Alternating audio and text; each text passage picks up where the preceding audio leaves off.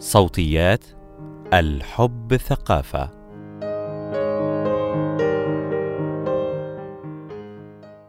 نسعى بقدر إمكاننا أن نواجه الأسباب المؤدية لختان الإناث ولكن يوجد سبب رئيسي نخشى دوما أن نواجهه. الفيل في الغرفة دعوة لفهم السبب الجذري لختان الإناث. مقال لسما التركي. سنوات من العمل المضني لإنهاء ممارسة تشويه الأعضاء التناسلية الأنثوية سواء من خلال حملات التوعية مثل حملات طرق الأبواب وإعلانات الراديو والتلفزيون أو من خلال التدخلات القانونية من خلال تجريم الختان في 2008 ومن ثم تعديل القانون عام 2021 لتعلن الحكومة عدم وجود ما يسمى بالضرورة الطبية لتلك الممارسة. على مدار سنوات عمل المجتمع المدني والحكومة لإنهاء تشويه الأعضاء التناسلية الأنثوية استخدمت خطابات توعية مختلفة وأجريت مسوح ودراسات متعددة لفهم الأسباب الجذرية وراء تلك الممارسة وخلقت خطابات يمكننا التحدث بها لمواجهة هذه الأسباب. وفي الوقت الذي ظهرت فيه محاور رئيسية للخطابات ومع انخفاض نسب تشويه الأعضاء التناسلية الأنثوية وعلى الرغم من حدوث تغير إيجابي في مواقف النساء من الختان لا يزال هناك دعم واسع النطاق لاستمرار ختان الإناث في مصر. ويبقى السؤال لماذا تستمر هذه الممارسة؟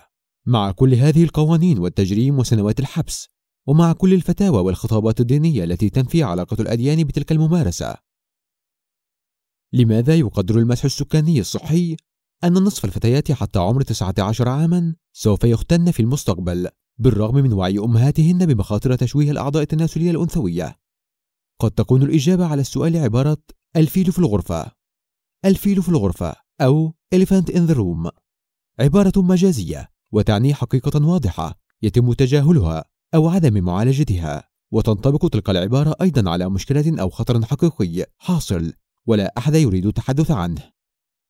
ترتكز الفكرة على أن هناك فيلا في الغرفة من المستحيل التغافل عنه وبالتالي فإن الأشخاص الموجودين بالغرفة والذين يتظاهرون بعدم وجود الفيل اختاروا عدم التعامل أو حل تلك المشكلة الكبيرة التي تلوح بالأفق.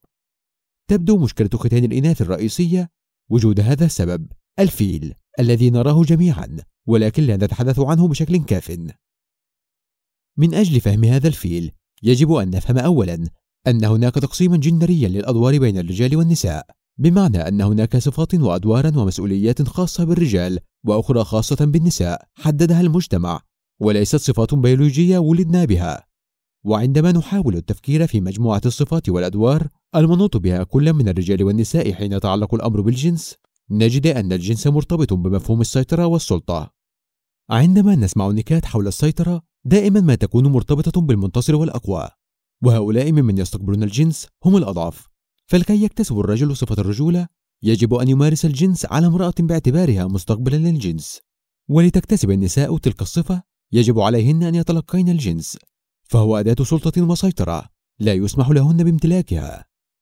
ما علاقة هذا بتشويه الأعضاء التناسلية الأنثوية؟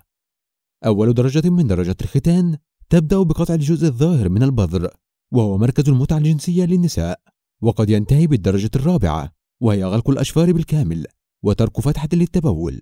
كل هذه المحاولات المضنية تجري وفقا لمجموعة من الحجج الاجتماعية منها حوالي 50% من الرجال والنساء. يعتقدون أن تشويه الأعضاء التناسلية الأنثوية مفضل لدى الأزواج. نسبة من الرجال والنساء يعتقدون أن تشويه الأعضاء التناسلية الأنثوية مهم لحماية النساء من أن يمارسن الجنس خارج حدود الزواج. الخوف من أن ينمو البذر ليصبح قضيبا.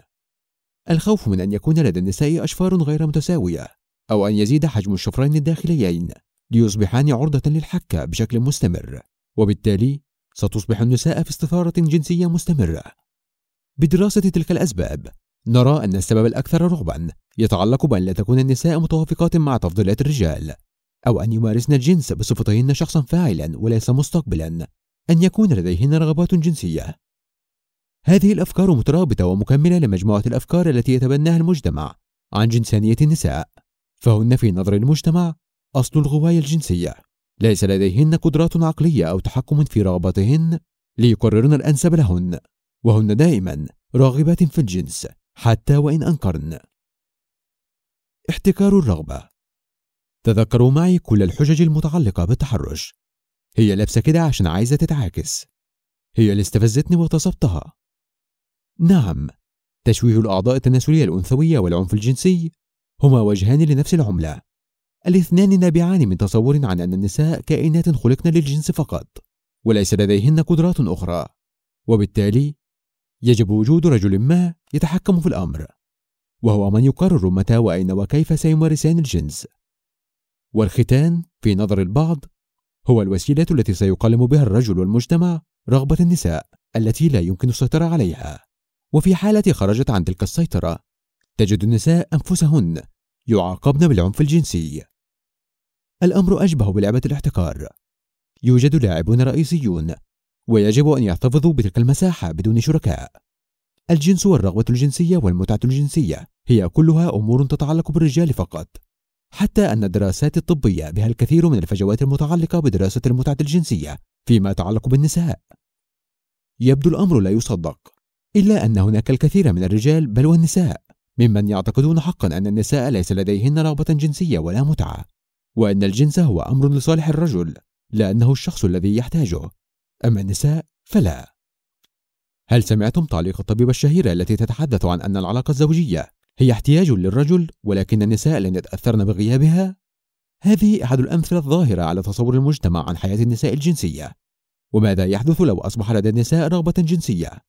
يجب أن يتأكد المجتمع بكل الطرق أن هذا لن يحدث بالاستعانة بتشويه الأعضاء التناسلية لهن أو وصمهن أو استبعادهن من المجتمع هل سمعتم عن الرجل الذي طلق زوجته بعد أربعة أيام لأنها صرحت برغبتها في ممارسة الجنس معه؟